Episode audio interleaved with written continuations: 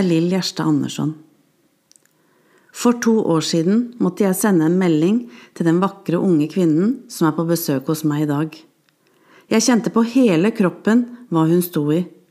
Så selv om jeg ikke kjente henne så altfor godt, ville jeg strekke ut en hånd for å si at jeg kunne lytte og bare tåle det vonde. Og jeg tenker på en tekst jeg skrev en gang. Glem aldri, når tvilen kommer, klarer jeg mer? Husk alltid hvor langt du har kommet, alle kamper du har vunnet, all frykt du har stått opp mot, ansikt til ansikt mot det håpløse. Du har kommet deg gjennom dette. Husk det, alltid. Du er sterkere enn du tror, modigere også. I dag er du modig, Karina. To år etter livet til din lille, fine familie så brått ble endret. I dag så har du tenkt å dele noe av din historie. Så av hele mitt hjerte ønsker jeg deg velkommen, Karina.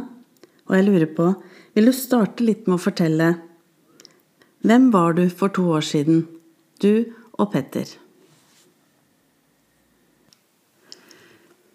For to år siden så var vi en helt vanlig familie eh, som besto av Petter, Felix og meg.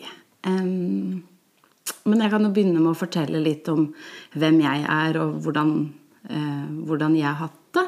Eh, jeg er jo vokst opp i en familie med en lillesøster, så det er fire år mellom oss. Og så er det mamma, pappa og meg. Eh, veldig trygt og fint.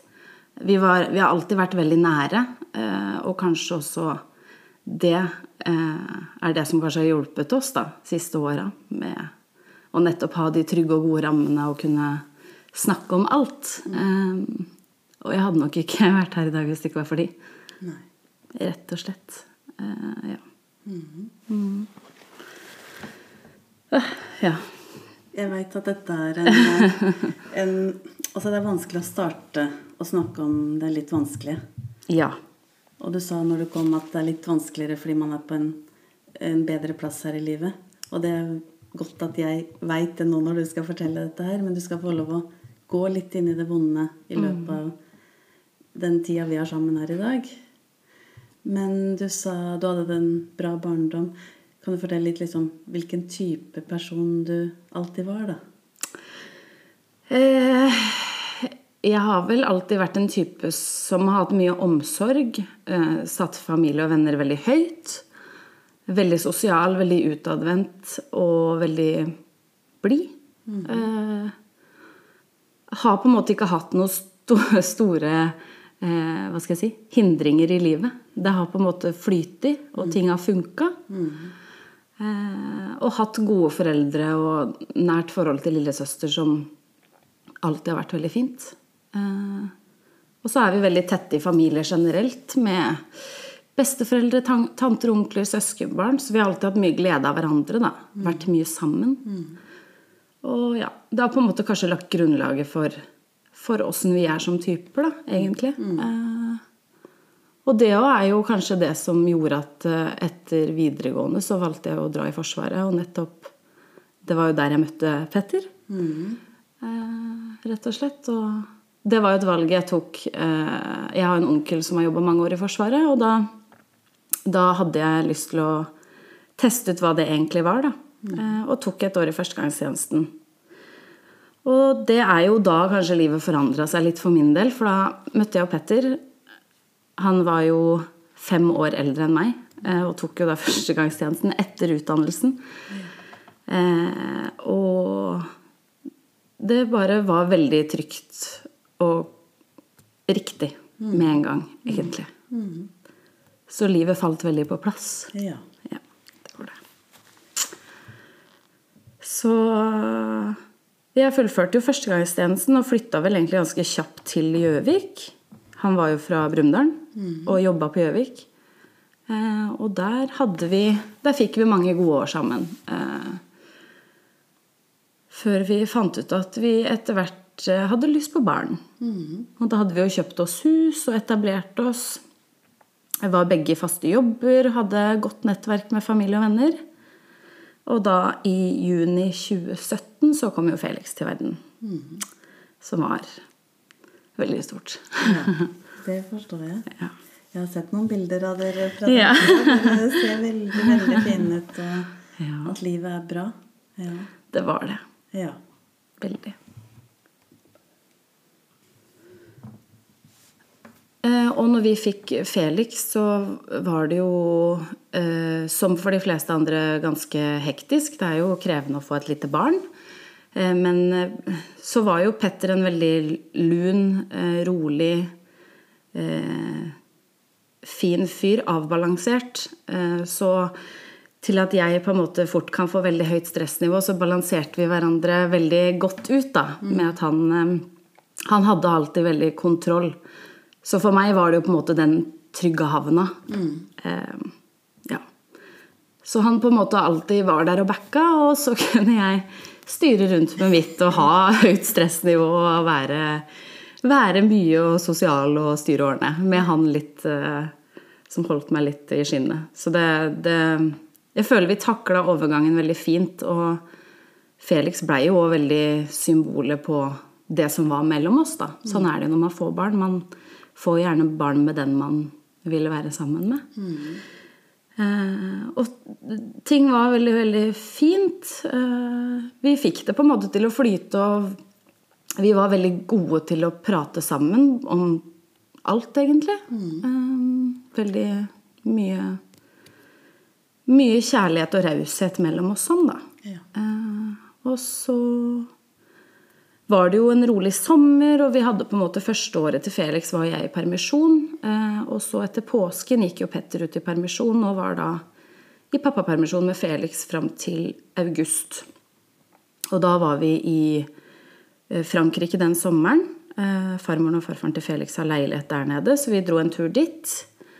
Og da ble jeg jo fridd til. Eh, og det var jo noe jeg på en måte hadde venta på i ganske mange år. Da hadde vi jo vært sammen i fem år, så jeg føler jo kanskje at det var på tide.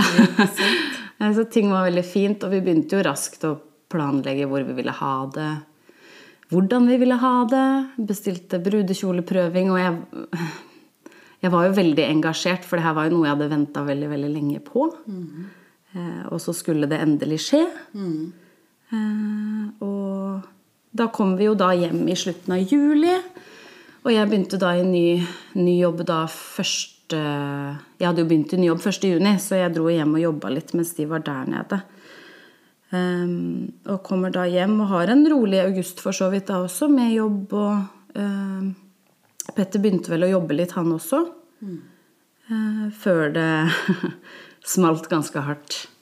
Og livet ble ikke det samme. Nei. det går ikke. Og det er vel der jeg på en måte kjenner meg litt igjen, selv om jeg mista et barn, du mista din store kjærlighet, så er det den derre Fra at man har det ganske så bra, er Du er den livlige som har lyst til å bare gå videre, gå videre. Han er den litt rolige, og dere har det så bra sammen. Og så bare så plutselig så forandres livet. Ja, det er jo veldig akutt, og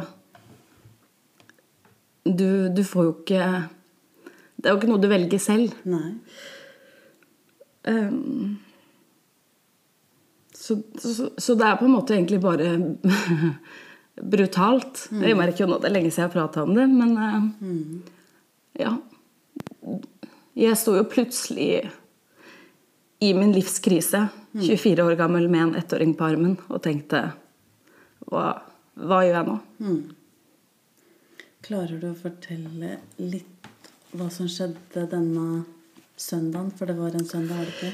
Det var en søndag. eh, Og jeg og Felix hadde jo vært hos mine foreldre eh, hele den helga. eh, Og venta egentlig bare på at Petter skulle komme til de før vi skulle kjøre sammen oppover igjen til Gjøvik. Eh, For da var vi jo klare for jobb igjen på mandag. Mm. Han hadde jo vært på et eh, sykkelløp som han drev som marshal. Da. Altså kjørte motorsykkel bak sykler. Så han skulle bare kjøre fra Halden og da hjem til Skjetve til mamma og pappa. Og da Jeg tror vel at jeg snakka med en klokka fire. Eller min søster snakka med en klokka fire, for da drev jeg og stelte Felix. Og da var han i kjempegodt humør og gleda seg egentlig bare til å se oss. For da var det fire dager da, siden han hadde sett Felix. Eh, og da var klokka fire, og det var vel Det tar vel en time da fra Halden gjennom Trøsken og hjem. Eh, for han kjørte jo ikke Rakstad, var jo det jeg konkluderte med, så klart. For det hadde vært ulogisk. Eh, og da når klokka begynte å nærme seg kvart over fem-halv seks, så kjente jeg vel at det begynte å ulme litt. Og at det var Det er noe som ikke stemmer. Um, og det, det har jeg veldig sånn klart for meg at jeg som er så familieorientert, eh, hadde jo hele min familie rundt meg. Mm. Og det var jo ofte sånn at vi var samla alle sammen mm. før vi skulle reise oppover igjen. Mm. Så jeg hadde alle fire besteforeldrene mine der, og lillesøster og mamma, pappa og meg og Felix, da. Og jeg husker det veldig, veldig godt, fordi pappa reiste seg fra sofaen eh, med telefonen i hånda. Jeg, synes, jeg bare husker at jeg syntes han så så rar ut. Mm. Eh, nå kan jeg det briste litt igjen, men Og så gikk jeg inn på kjøkkenet etter den. Og så av en eller annen merkelig grunn så fikk jeg det for meg at, at jeg må bare sjekke avisa. Eh, så jeg tok opp telefonen og gikk rett inn på Smålenene. Eh, og det var vel egentlig i det sekundet jeg leste det som sto der, at jeg skjønte at, at nå blir ikke livet det samme igjen. Og da var overskriften 'MC-fører død etter ulykke i Trøsken'. Og ja Da raste det sammen. Mm. da er det full panikk, og du føler deg fryktelig alene. Mm. Og skjønner ikke Du skjønner ikke egentlig hvordan livet skal gå videre igjen. Mm. Ja. Det stopper jo opp. Helt. Mm. Så ja. Jeg kjenner følelsen følelsene dine så veldig, og jeg har lyst til å gi deg en klem. Og så har vi denne koronatida som gjør at jeg får ikke gitt deg en klem heller. Men likevel så ser du veldig, veldig trygg ut på at du klarer å fortelle det, da.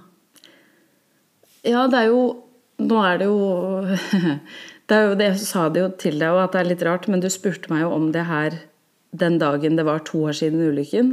Mm, det. Og det var jo et helt merkelig sammentreff. Og så i dag er det jo faktisk to år siden begravelsen. Mm. Men så er det noe med at man eh, Jeg er jo veldig pratsom av meg og har eh, prata fryktelig mye om de siste to åra, så for meg har det på en måte blitt en del av ryggraden, kanskje. Mm. Det sitter i, og så er det Sånn som nå, når man på en måte dykker litt inn i det igjen, og jeg ikke har gjort det på lenge, så er det, er det litt vondt. Kjenner du at det er litt vondt igjen? Og så Ja, det er sånne små drypp innimellom mm. som du kan kjenne det veldig på. Mm.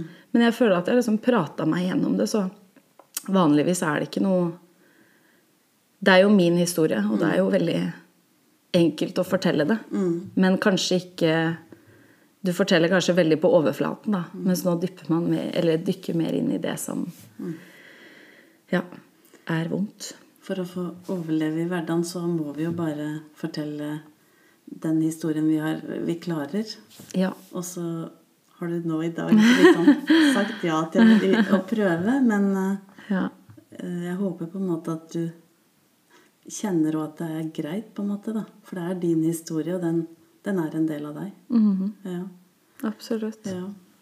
Eh, jeg har bare lyst til å lese en, eh, et lite dikt som Eller et vers da, som jeg har på en måte beskrevet min eh, opplevelse av den søndagen da mitt liv forandra seg veldig. Mm. Jeg bare Kanskje du kjenner igjen noe av det, da. Jeg glemmer fort, husker ikke alt, men fra den dagen husker jeg alt. Alt vi gjorde, alt jeg så, lukter og lyder, tanker og ord. Jeg glemmer så fort, men den dagen glemmer jeg aldri. Alle inntrykk, hver minste detalj, glemmer den aldri. Og det er litt sånn jeg føler kanskje du kan fortelle fra den dagen, da. At du husker hva du tok opp før du gjorde det, hvem du så, osv. Mm. Vi blir veldig, veldig uh, i jakt Eller vi blir sånn vare og tar alle inntrykk til oss, da. Veldig.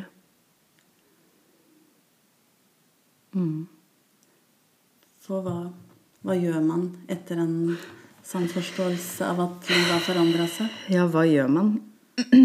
Det er jo ingen tvil om at eh,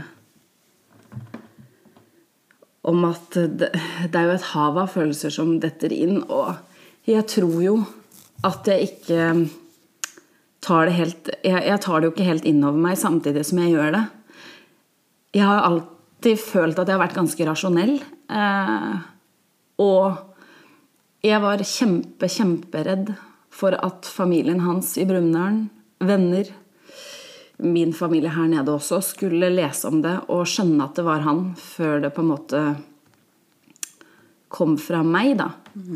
Så den rasjonelle delen av meg eh, Det er klart at det er jo panikk Den første timen er vel sikkert prega av panikk og hyl. Um, og Felix oppi alt det her er jo på en måte egentlig overlatt til mamma. Som Ja. Jeg skjønner ikke åssen hun klarte det, men eh, Den eh, rasjonelle delen av meg velger jo å ringe. Fordi eh, det går jo ikke lang tid før flere aviser er på ballen. Og det går heller ikke lang tid før det blir publisert bilde av sykkelen.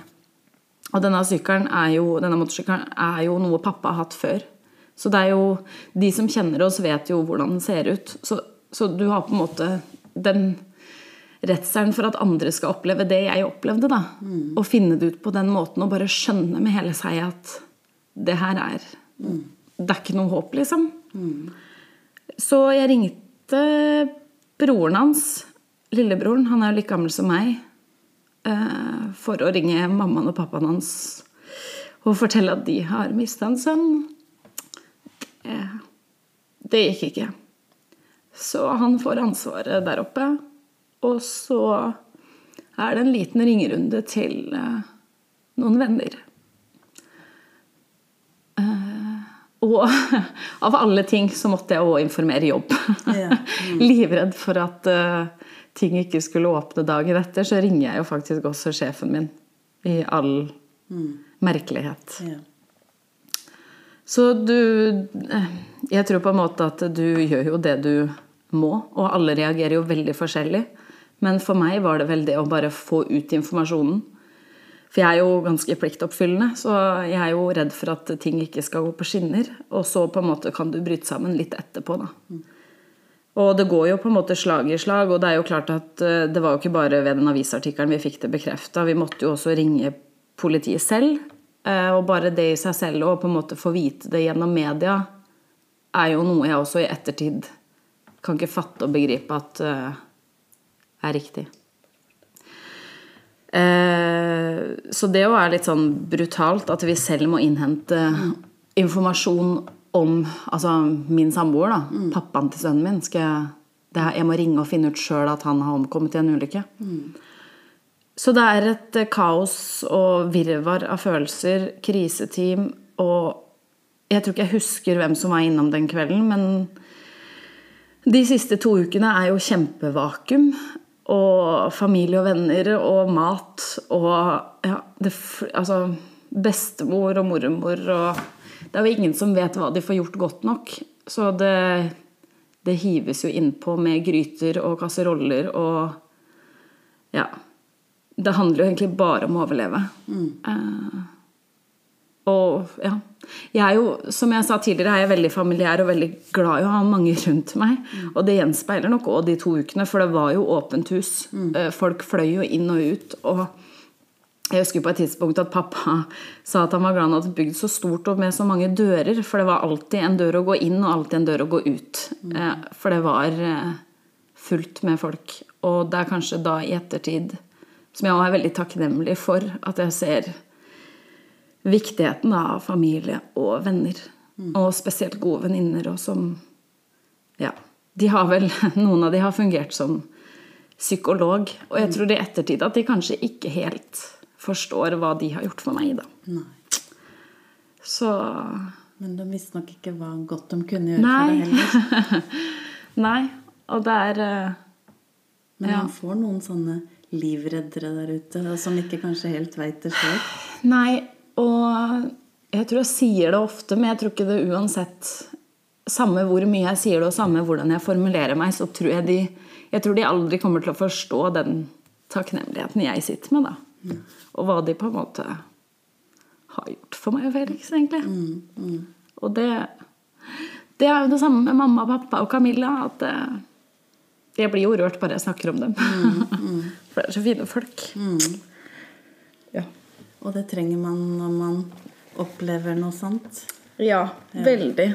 Og ja, jeg er glad vi var mange, og jeg er glad vi klarte å på en måte mobilisere oss også oppi alt. Um, og det gjelder jo også foreldra til Petter og søskna. Det jeg, jeg tror sånn i ettertid at vi har kommet veldig styrka ut av det, og vi var flinke til å prate sammen. og jeg husker jeg tenkte ganske tidlig at det her må ikke forandre noe. Eh, Så jeg har jo sittet noen timer i bil for å dra på besøk og opprettholde relasjonen. Og det er, det er så fine folk, og vi trives så godt i Brumunddal også, så det er eh, Ja, vi har jobba hardt for at vi liksom skal klare å klare å komme oss styrka gjennom det sammen. Da. Så det er jo Jeg husker jeg sa da vi, sam, vi var samla fa, første farsdagen. Da med farssida til Felix og da min side, da. Og da er det litt sånn Jeg trives aller best når alle er samla. Og det er bare det, det mangler jo alltid en person. Men det er allikevel veldig, veldig fint, da. Det er det.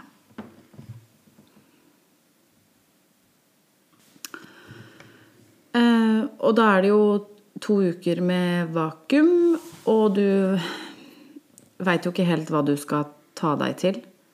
eh, før du på en måte blir litt innhenta til virkeligheten. Eh, og det er jo noe med at når et menneske går bort, så er det jo veldig mye praktisk rundt det. Eh, og i vårt forhold Det er klart at jeg var jo 24 når det her skjedde. Hadde vel sikkert ikke snakka med en eneste et eneste forsikringsselskap eller eh, hva slags strømleverandør vi har, hva, hvor betaler vi huslånet. Og det høres jo kjempeuvitende ut, men eh, den relasjonen som jeg og Petter hadde, da, så var det veldig sånn Kanskje litt gammeldags, vil noen si. Men for oss funka det veldig godt. Eh, hvor han på en måte var praktikeren og tok tak i det som var viktig. Og jeg var nok mer på hus og hjem og barn og ja, styra litt med mitt. da. Kanskje litt det sosiale òg, at jeg var mer den planleggeren, da. Og når du på en måte blir innhenta litt til virkeligheten, det er jo regninger som skal betales. Du har eh, et hus som står tomt på Gjøvik hvor ingen Altså, jeg hadde noen venner som var innom og henta klær til meg og henta post. eh, Og kjørte fra Gjøvik og ned. Det er to og en halv, tre timer. Men eh, det er utrolig hva gode mennesker gjør. Eh, Og så skal alt det her ordnes opp i, og du blir eh, kasta litt inn i virkeligheten når det på en måte du skal ordne begravelse. Eh, Jeg hadde jo egentlig nesten ikke vært i en begravelse før. Jeg hadde jo fire besteforeldre på det tidspunktet. Eh, Alle var friske og raske. Eh, Men det nærmeste jeg var på en måte en begravelse, var når jeg var tolv og begravde en oldemor eller oldefar. Så hva, hva gjør man? Hvordan gjør man det, og hva er vanlig? Har ikke peiling. Eh, så jeg føler jo oppi alt at eh, hadde jeg ikke hatt eh, eh, foreldra hans og mamma og pappa, så hadde jeg jo ikke visst hvilket bein jeg skulle stå på. Og det gjelder jo òg i forhold til Felix, for jeg var jo ikke den beste versjonen av en mamma de, de ukene der. Eh, men eh, han blei jo begravet på hjemstedet sitt, og det var jo helt naturlig. Vi bodde jo på Gjøvik, men han var jo fra Brumunddal. Eh, og jeg er veldig veldig glad for at foreldrene hans tok veldig mye ansvar der. Eh, jeg er jo ikke Jeg har jo alltid kanskje hatt en sånn indre dødsangst i meg òg, så at det her i det hele tatt skjedde, var jo på en måte noe noe jeg ikke helt klarte å forholde meg til. Og du skal velge sanger og salmer, og der var Jeg hadde vel Sist jeg hørte en salme, var på konfirmasjonsleir. Eh, så, så det å sitte i begravelses... eh, Altså i møte med begravelsesbyrå og skal velge Altså jeg tror det eneste jeg hjalp til med, var én sang og et bilde på denne husker jeg ikke hva det heter, men denne brosjyra Ja. som skulle være i kirka. da. Eh, og så var jo vi så klart med og valgte blomster fra meg og Felix og sånn, men alt utenom det var jeg veldig sånn ambivalent til. Klarte ikke helt å ta det innover meg. Eh, eneste som jeg på en måte kanskje bestemte meg for ganske tidlig, som jeg ikke helt veit hvor kom fra, var at jeg ønska å prøve å si noen ord. Eh, så jeg skrev en tale på vegne av meg og Felix, og tenkte vel at det her kommer jeg aldri i livet til å klare å gjennomføre. Men det gjorde jeg faktisk. Og det er noe med at jeg på en måte følte at det var siste måte å kunne si noe til Petter på vegne av meg og Felix, da. Eh, at jeg syntes at det var han verdig. Eh, for det er som jeg, jeg husker at jeg sa det òg, at jeg tror folk skjønner at den betydde veldig mye for oss, men jeg tror ikke de helt skjønner hvor mye. Så det var noe med å klare å gjøre, gjøre det.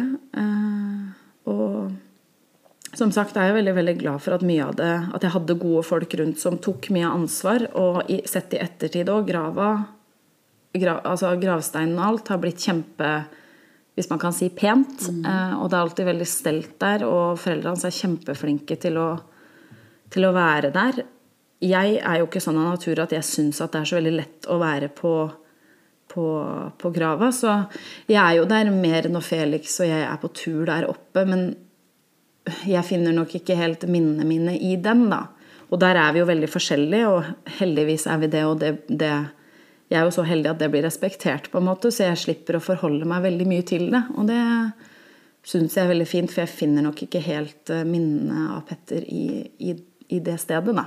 Jeg syns det er veldig rolig og fredfullt, men, men det er på en måte det.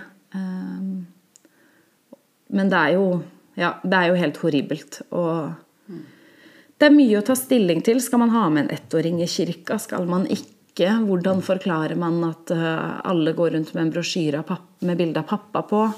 Alt det her. Så det var harde kår en periode. Og ja Kan ikke fatte at det gikk, egentlig. Sett i ettertid. Når man på en måte ser Jeg har reflektert mye over det egentlig etter at du spurte om jeg kunne være med på det. Fordi jeg, i ettertid så ser jeg at jeg skjønte ikke sjøl hvor liten Felix var. Nei. For nå er han jo tre år og veldig mobil og prater masse og er veldig, veldig med. Eh, og han har jo alltid vært en veldig blid gutt hele veien. Eh, men på det tidspunktet Jeg tror ikke jeg helt skjønte at han var ett år og kjempeliten og ikke skjønte noe. Han Ja. Men han blei kanskje din nærmeste til Petter, da? Sånn at du ville finne Veldig. noe Veldig. Og han på, i, det, i forbindelse Altså i, på det tidspunktet ulykka inntraff, og så var han fryktelig lik pappaen sin og hadde veldig mange trekk fra han. Eh, Den sommeren var det på en måte mer og mer Petter å se inn, da. Så det var jo Jeg er jo helt sikker på at uh, Felix er jo livredderen min. Selv om han Han gjorde jo egentlig ingenting. Han bare var, han bare var der. Ja. Uh, og på en eller annen rar måte så skjønte også han på ett år at uh, nå er mamma lei seg, så nå trenger hun mer. Uh, mer kjærlighet. Og Eller kanskje hun bare trengte litt tid. Så det er merkelig, men han Og det er jo den dag i dag, og så er han jo Han er jo en forlengelse av meg, på en måte. Ja. Det, ja.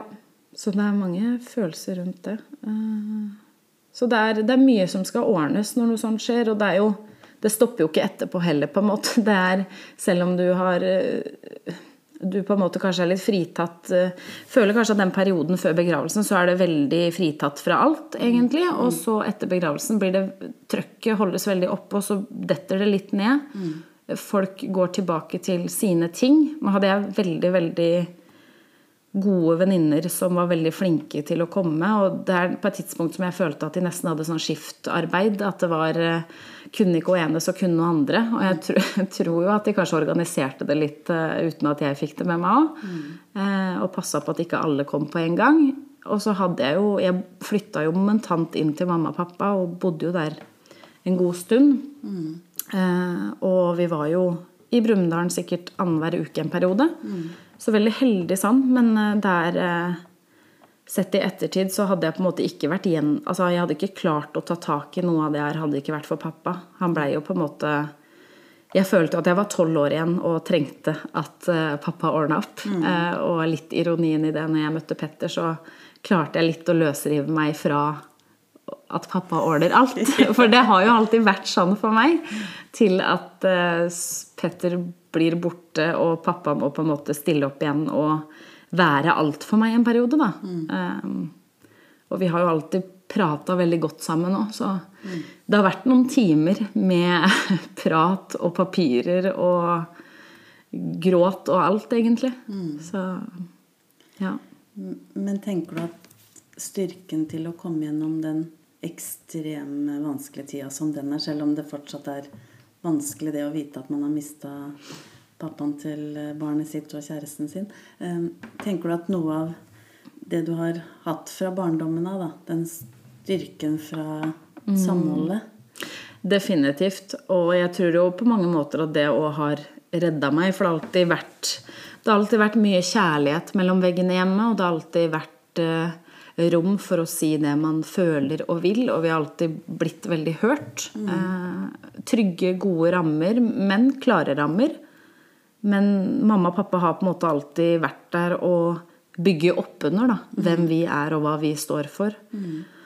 Og jeg har på en måte aldri vært i tvil på at uh, hvis jeg faller, så tar de meg imot, på en måte. Mm. Er, eh, de er jo sikkerhetsnettet mitt på mm. alle mulige måter. Mm. Og sett i ettertid òg, så er det Jeg syns jo det er òg fryktelig vondt eh, fordi jeg er mamma selv. Mm. At uh, jeg tenker jo hvis det det de har sett av hvordan jeg har hatt det, hvis Felix skulle hatt det sånn. Mm. Jeg tenker jo mye sånn nå at det må ha De har jo på en måte mista svigersønnen sin og pappaen til barnebarn og alt det der. Men de har jo på en måte også måttet leve med meg hver dag og mine humørsvingninger og tåle å stå i det, da. Mm. For jeg, jeg, tror ikke det har vært så lett å være mammaen og pappaen min de siste to åra, egentlig. Og da kommer den omsorgsfulle Karina fram. Ja. Med at du også skal tenke på Veldig. dem der, da, på en måte. Veldig. Men tror du ikke de bare ønsker å hjelpe deg videre, på en måte? Veldig. Absolutt. Mm. Og Nei, det er, ja, det er bare det, det, er med kjærlighet. Ja, og det er jo veldig flott at du ser det, men det er jo også litt typisk den flink pike, ja, omsorgspersonen som prater.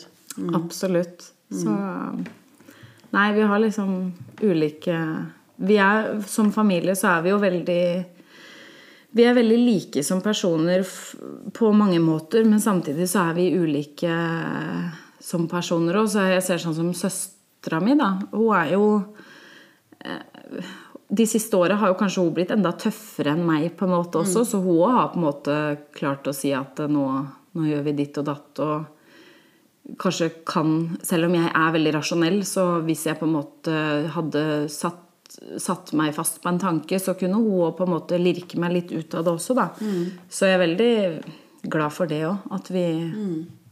Vi kan på en måte prate om alt, og det har helt klart vært, vært en ekstrem styrke i en veldig, veldig vanskelig situasjon, da. Så det er jeg veldig, veldig glad for. Eh, absolutt.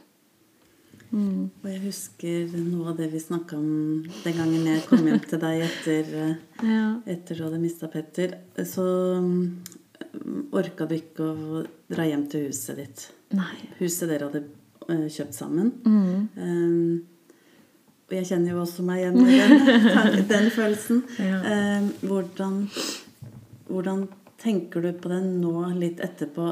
Tenker du at du flykta, eller tenker du at du bare måtte gjøre det sånn? Eh, jeg tror det kanskje er en god blanding. Men eh, sett i ettertid, egentlig både med det og med alt jeg har gjort, så er jeg veldig trygg på at de valga jeg tok, har vært veldig riktige for meg. Mm. Alltid fulgt magefølelsen veldig. Mm. Og jeg var jo veldig, veldig bastant på at det, det vil jeg ikke. Jeg har ikke lyst i det hele tatt. Og jeg gikk jo faktisk ikke inn de dørene før i januar. Nei. Så det tok jo vel et halvår. Mm. Um, så det var nok en god blanding. Mm. Uh, for jeg var jo Jeg kunne fint være på Gjøvik, mm. men bare ikke der. egentlig. For det var vårt. Ja, det det. Så veldig tydelig på det, da. Men eh, Sov du der noen natt etterpå? nei, jeg gjorde ikke det. Nei. Eh, jeg Pappa og eh, pappaen til Petter De var vel ganske tydelige på at jeg skulle rydde selv. Eh, og veldig samkjørte på det, så jeg hadde vel egentlig ikke noe valg. Følte jeg sjøl en periode. Men, eh, men jeg skulle rydde selv når det skulle legges ut for salg. Og det var jeg veldig sånn tydelig på, og alle var veldig med på det. At det jeg har jo alltid vært veldig tydelig på at jeg ville flytte hjem igjen. Så det at jeg flytta til Østfold, var på en måte ikke noe sjokk for noen, egentlig. Eh, For det, var, det er jo her jeg har mitt nettverk og mm, ja, mine ting. Selv om det var jo en hjertesorg å flytte fra Gjøvik, for jeg hadde jo også fått mitt nettverk der oppe med veldig gode venninner og jobb og alt det der. Mm. Men eh, jeg var nødt til å rydde sjøl, og da allierte jeg meg med min nærmeste venninne på Gjøvik. eh, Noe jeg trodde var en kjempegod idé, for hun er jo en av de tøffeste damene jeg veit om. Eh, Men eh, hun tålte det vel egentlig ikke helt, hun heller. Eh, Så det endte opp med at når vi skulle begynne å rydde, så hadde vi med oss noen venninner til. da. Eller ei venninne til som jeg vet tålte det. Og da samboeren til onkelen til Felix, da. Så fikk vi rydda og styra ordna. Men det krevde mye, og jeg sov ikke der. Eh, Det var eh, Det blei rydda ned i kasser, og det sto vel i kasser i vel et år. Yeah. For jeg bodde jo hos mamma da mamma og pappa et halvannet år. Så um, det var veldig riktig der og da. Yeah. For jeg var ikke i stand til å bo for meg selv med Felix alene. Nei. Det, det ble for mye. Ja. Men da skjønte du også at Karina trengte omsorg og noen rundt seg. Ja. Ja. Og det, det fikk jeg jo i bøtter og spann. Og um, det, ja, det er sånn rart når man kan se tilbake på veldig mye, men jeg har jo òg min nærmeste venninne herfra.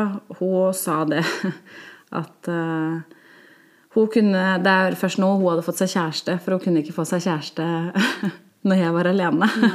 For det, det Da følte jeg at hun forlot meg litt. Så jeg har jo på en måte hatt uh, hatt venninner som på en måte bare har lagt til rette for at jeg skal være meg, men klare å ta det i mitt tempo. Da. Så Det høres ut som du har gode folk rundt deg. veldig. Veldig. Og det Ja, det er sånn jeg kan grine av den dag i dag. Kan egentlig bare sitte i sofaen og gråte fordi jeg tenker at folk er så fine. Og det er så mye fint i folk som man tar for gitt når man ikke når man ikke står i noe som er vanskelig. Og så står man i noe som er vanskelig, og så er folk bare helt utrolig, egentlig. Og du tok dem imot. Du kunne valgt å stengt også, så det er jo en styrke, det også, da. Ja, og der jeg, jeg tror jo også at jeg Jeg vet ikke om det er bevisst, men jeg hadde jo venninner til ulike ulike behov. Ja. Eh, og jeg tenker jo Jeg har jo to veldig nære venninner med barn eh, som er på alderen til Felix. Og de også har jo samboer igjen. Eh, og det er jo ingen selvfølge at de bare skal åpne døra og la meg komme på kvelden og sitte og grine. Eller ta med Felix på ting så jeg kan sove. Men det gjør de med glede. Ja. Og det gjelder ikke bare de, det gjelder på en måte hele husholdningen. Så folk er jo helt fantastiske på mange måter. Og det er jo det som er liksom det man kan finne en vei videre på, da, det er da liksom å få noen til å orke å høre om det og snakke om sorg, for det er et veldig vanskelig tema å ta opp. For man kan jo stoppe enhver um, hyggelig samtale rundt et uh, i, ja, i på en fest eller hvor som helst, hvis man får plumpa litt ut i det, ikke sant? Veldig. Og da er det jo så godt også å vite at um, når du skal fortelle historien din, da, så er det ikke bare sånn en tung bør men, eller en sånn tyngde, men det er også noe godt, da. Ja, og med Både med det triste og med humor og med galgen. Og det er, liksom, det er så mye som Sorg er jo så komplisert og har så mange nyanser at eh, man må på en måte, hva heter det, omfavne alle nyansene. Ja. For det, det er jo bare sånn det er. Og jeg vil ikke at jeg vil ikke at ulykka skal på en måte prege hvordan jeg er, og jeg vil heller ikke at det skal være hele sorgen min, for det er det jo ikke. For det går jo også på han, altså Petter som person, og jeg vil jo heller prate om hvor fin han var, enn hvor kjipt alt sammen er. Ja. For det er viktig å huske på det òg. Og jeg, det var på et tidspunkt som jeg til slutt bestemte meg for at, eh, at jeg skal på en måte reise meg fra det her og få det bra igjen. Eh, og jeg vil klare å prate med Felix om pappaen hans på en veldig veldig god måte, og ikke bare gråte og synes at alt er kjipt. Så det var, det var et sånn vendepunkt for meg som jeg tenkte sånn, vet du hva, det her, det her må bli bra igjen. Jeg, må, jeg må klare å snu det her til, til at det kan være noe fint i det. Og jeg vil minnes han som den han var, da. Og hvor fin han var med meg og med Felix og med alle han møtte. Um, så det òg har jo vært viktig, på en måte. Men eh, det er klart at uh, sorg for mange er kjempeskummelt. Og uh, når man lever i det, da, sånn som vi har gjort, uh, og, og har det så nært på seg og har prata så mye om det, så er det veldig lett å tenke at det er veldig vanlig. Og det har jeg tatt meg sjøl i mange ganger, at for meg er jo det her helt vanlig. Så når folk spør ja, hva med pappaen til Felix, så er jeg litt sånn nei, han døde. Og så blir det helt stille, og så er det sånn Nei, Karina, det her er ikke vanlig å si. Men du, du, du mister litt det filteret. Fordi det er så vanlig. Men skal det filteret være der, da? Liksom skal det ikke Altså, hvorfor kan ikke dem tåle det og kjenne på det litt, av. Du må kjenne på det hele tiden, liksom. Helt riktig. Og, det, og, og så blir du liksom den dumme som bare Måtte hun si si det. Det ødela jo hele greia, liksom. Det var ikke det jeg lurte på. Men det er det samme som når folk i ettertid, bare noen uker etterpå 'Hvordan går det?' 'Nei, det går ikke så bra'. Og så ok. Så klarer man ikke Nei, å stå i det. da var samtalen over. Ja. Men, og da husker jeg at jeg tenkte sånn Hvorfor spør du hvis du ikke vil ha svar? For, det, for meg er det jo sånn her det er. Mm. Hvis du lurer på hvordan det går, så er det sånn det går. Og hvis man spør en som har mista noen nære, så må man forvente at det spør jeg om det. Da må jeg orke å stå der litt også. Veldig. For det kan komme noe På lik linje som at eh, vi da står i det hele tiden. Helt Så Så, ja, ja. så det høres ut som du har hatt så mange rundt deg, men kanskje har du også på en måte noen du bare må velge at eh, Ok, da slipper jeg ikke de, så Ja, og jeg har helt klart eh, Jeg har nok blitt mye mer eh, Hva skal jeg si De jeg på en måte vet er hjertenære og er, er der for meg hele tiden, har jeg jo veldig lett for å bare Der er det jo ikke noe filter, og jeg kan jo på en måte si det som det er. Og så er man kanskje litt mer tilbakeholden med andre relasjoner. Eh, og jeg, er nok, jeg brenner jo da òg veldig for de relasjonene som på en måte hele tiden har vært der. Da. Men, eh, og så ser jeg jo at det, det, man kan få nye relasjoner i andre settinger i livet hvor det på en måte er sånn Oi, da Da kan jeg slippe deg litt innpå fordi du, du anerkjenner det, eller si man står i noe lignende. Det er helt utrolig når man begynner å prate med folk, at alle har noe.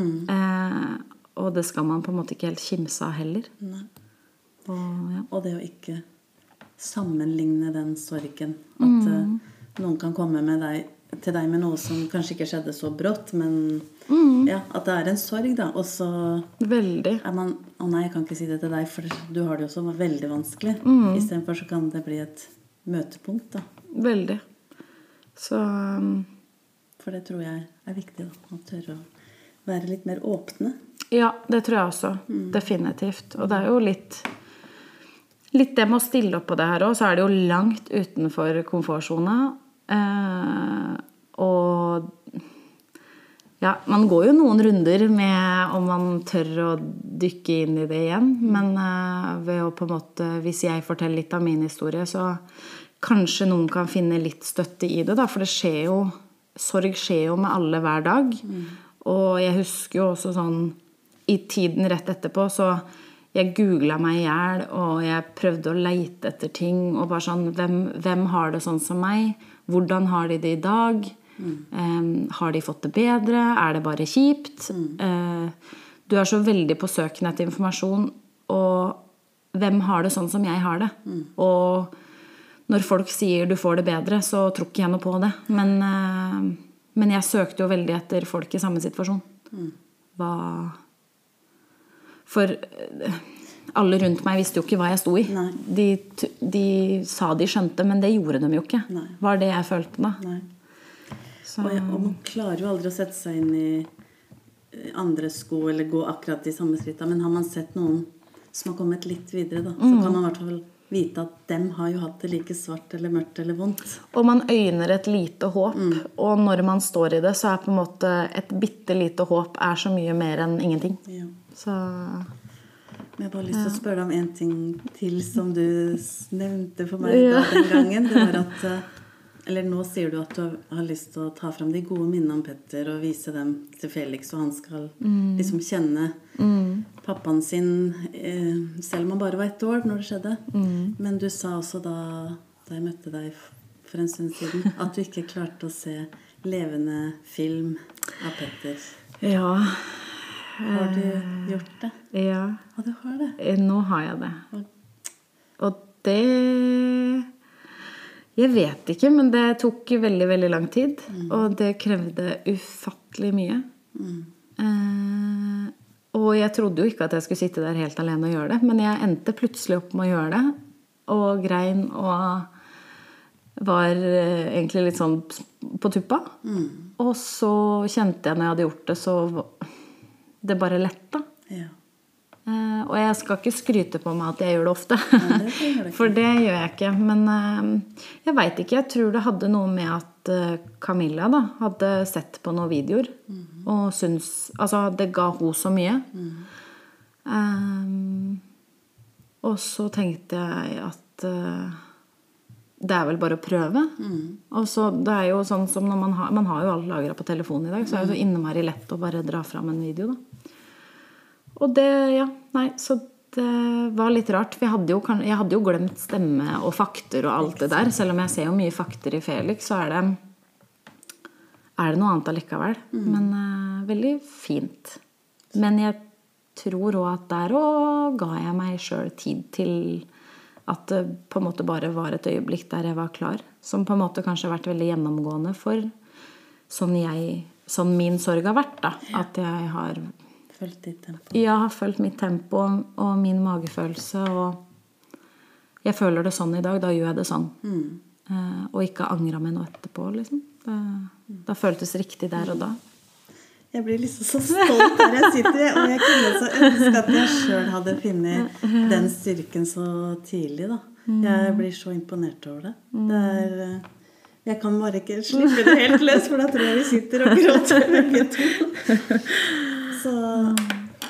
Men mm. For jeg brukte 14 år med å se levende bilder, så Ja. det å bare våge en gang å ha kjent på det, da. Ja.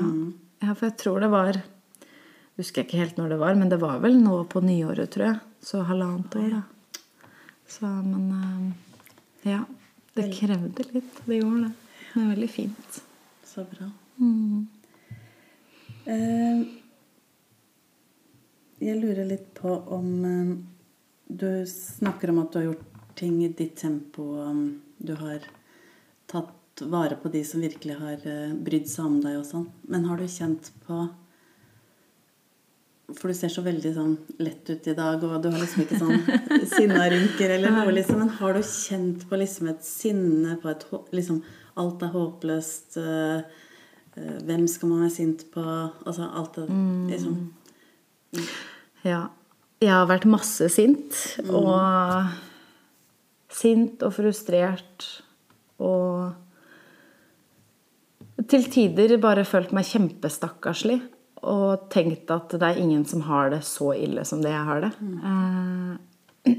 og det var jo veldig Det var jo veldig sånn ikke i min natur. Jeg har aldri vært den, den versjonen av Karina. Så det å, det å på en måte være en, et, en skygge av seg selv er jo Det er jo veldig skummelt.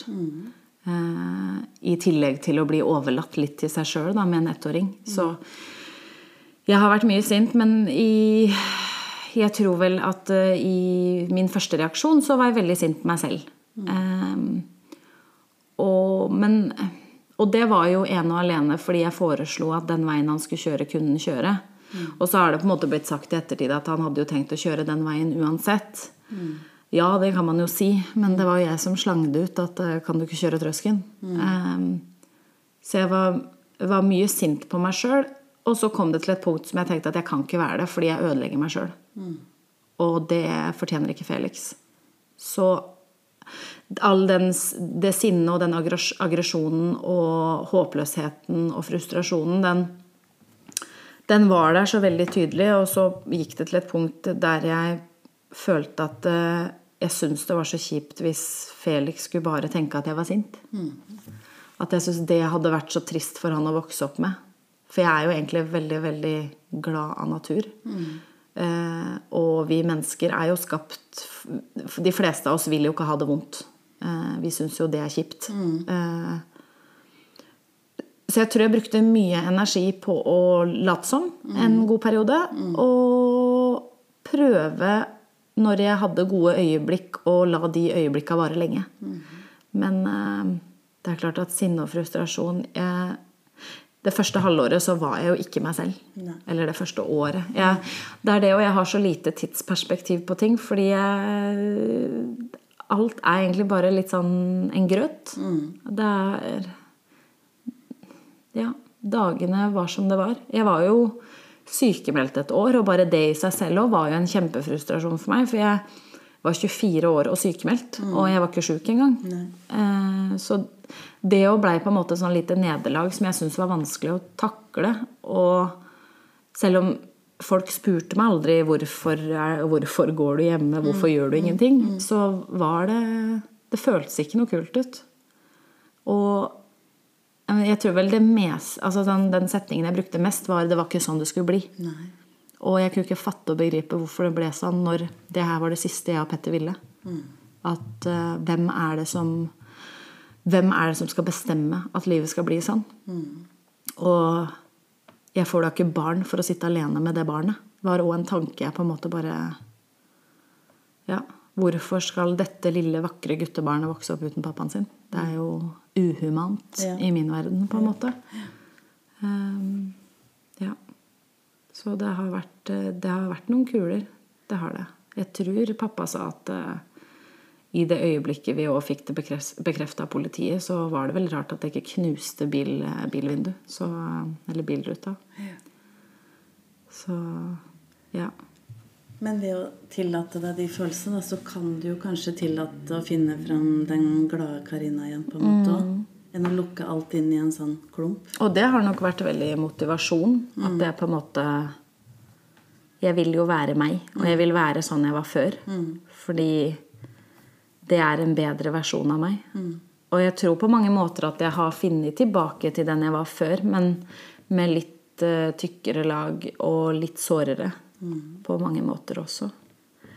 Uh, ja, mye mer uh, Føler mye mer. Ja. Mm, eh, har vanskeligheter når jeg Altså ulykker eller um, sykdom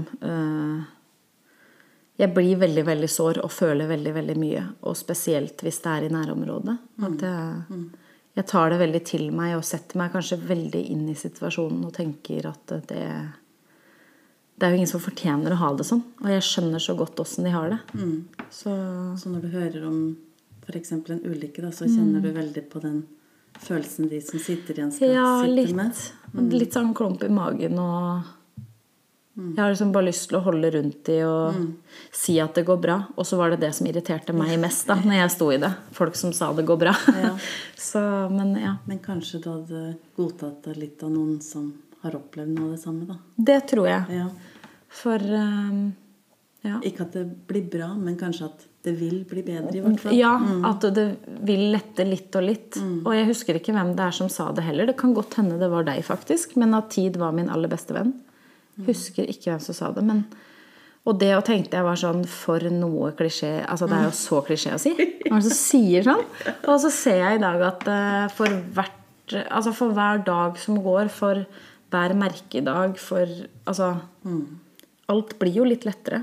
Og på et tidspunkt så letter det, det Altså, det letter mer og mer yeah. for hver dag, da.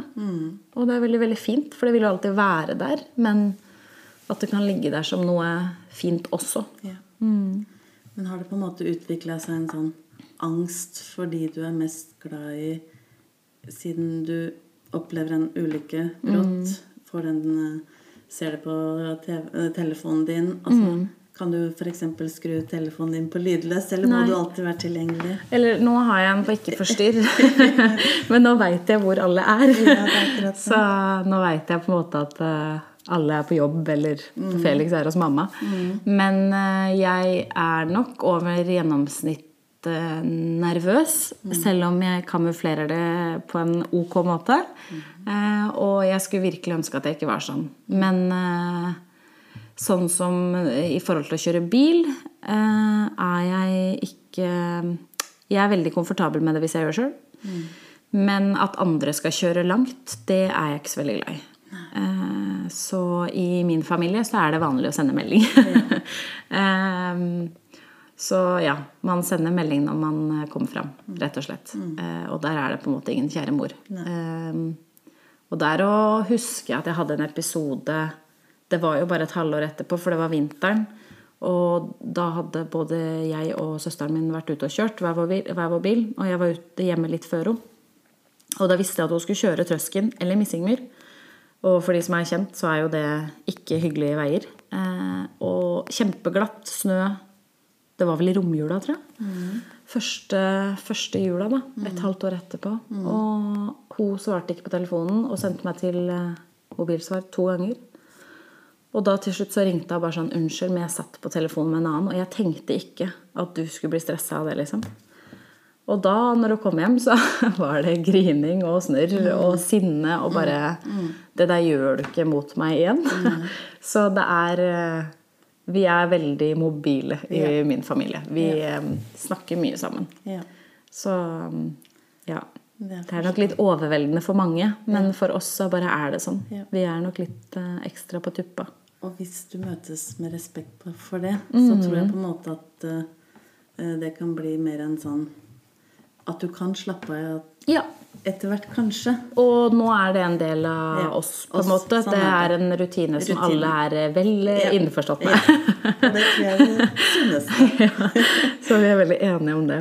Ja, det har liksom, sånn, litt sånn avslutningsvis lyst til å spørre deg. Våger man å gå videre? Du har sagt flere ganger eh, Du er liksom tidlig Eller midten av 20-åra nå, da. Ja. Liksom, livet kan jo ikke stoppe opp. Du har jo Felix, du skal følge han videre. Men våger man å gå videre sånn ellers i livet? Ja, man gjør det. På en eh, Ja, man gjør det. Eh, og jeg trodde ikke det. Men eh, så skjer det ting som gjør ting mye klarere.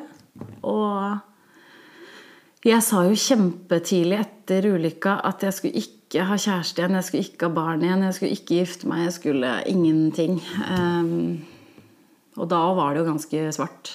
Uh, men så har jo ting forandra seg for meg. så blir jeg, jeg begynner å le litt når jeg prater om det. Og eh, jeg fikk meg jo kjæreste i april. Så. Det er veldig hyggelig, og jeg blir litt fniste fordi jeg fortsatt er nyforelska. Men eh, det er um, veldig fint. Og eh, jeg vet ikke hvordan jeg skal ordlegge meg, men, men når, når det på en måte dukker opp folk i livet ditt som bare er genuint fine og vil bli kjent med deg, og ikke med Karina Ulykke alt kaoset, så er det bare skikkelig fint. Eh, Så eh, når jeg møtte Håkon, da, så blei ting mye klarere igjen. Og jeg vet ikke. Jeg blir jo rørt når jeg prater om han òg, for han er jo så fin. Men eh, han har liksom gjort at eh, livet blir litt lettere hver dag. Og at det føles fint å være meg. Og at han gir meg tid til å være sånn jeg er. Eh, og har en enorm omsorg både for meg og Felix. Og ja, får oss til å le. Og ja, han, han bare er genuint uh, fin, fin med oss. Eh, og det trodde jeg ikke skulle skje, og i hvert fall ikke etter to år. Så, men det er jo når man står i det, så sorg er hardt arbeid, og to år er en evighet i sorgperspektiv, syns jeg. Uh, og jeg husker når jeg møtte Håkon, så tenkte jeg det her kan jo ikke skje nå, fordi jeg skal ikke ha kjæreste, og det er altfor tidlig. Men eh, så møter du bare et menneske som eh, gjør det veldig lett. Mm. og det på en måte ikke er noe Det er ikke noe tvil, da. Det, det bare er et eh, menneske du har lyst til å være med hver dag, og ja, som gjør det fint å være Karina. Og det det kan man på en måte ikke bare la gå. det må man omfavne. Ja, det må man. Eh, Så jeg, jeg føler meg veldig heldig Ja. som får lov til å være sammen med han, og som eh, Og for at han gir meg den respekten og friheten til å ha med bagasjen min nå, da. Eh, Både i form av eh, eh, mennesker fra Altså, jeg føler det er litt sånn livet før, livet da og livet nå. Eh, Men ja, han gjør det veldig enkelt. Og han har en kjempefin familie som bare har tatt imot både meg og Felix med åpne armer. Og ja, gjør det generelt veldig lett å kunne være oss tre. Og bare det å være tre igjen. De aller fleste trives jo i tosomhet. Og jeg hadde ikke tenkt å trives med det igjen. Men eh, ja. Han gjør livet fint, egentlig. Og det syns jeg er bare så fint å høre. Ja. Og det er så godt å se det smilet ditt. Og du har liksom nå fortalt mye vanskelig også. Mm. Så jeg bare ønsker dere masse lykke til. Mm. Og takk for at du delte. Og så har jeg bare lyst til å avslutte med å gi deg Jeg veit at du har hatt, fått eller kjøpt bok før. Ja. Men da kan du bare gi den til en eller annen som du plutselig tenker den trenger den boka. ja. Ja. Og det var fint. Så får du med deg den. Ja, takk. Og så en hilsen. Og så syns jeg du er veldig rå som tør å være så ærlig. Takk. Ja. Og takk for meg. Ja. Ha det bra. Ha det.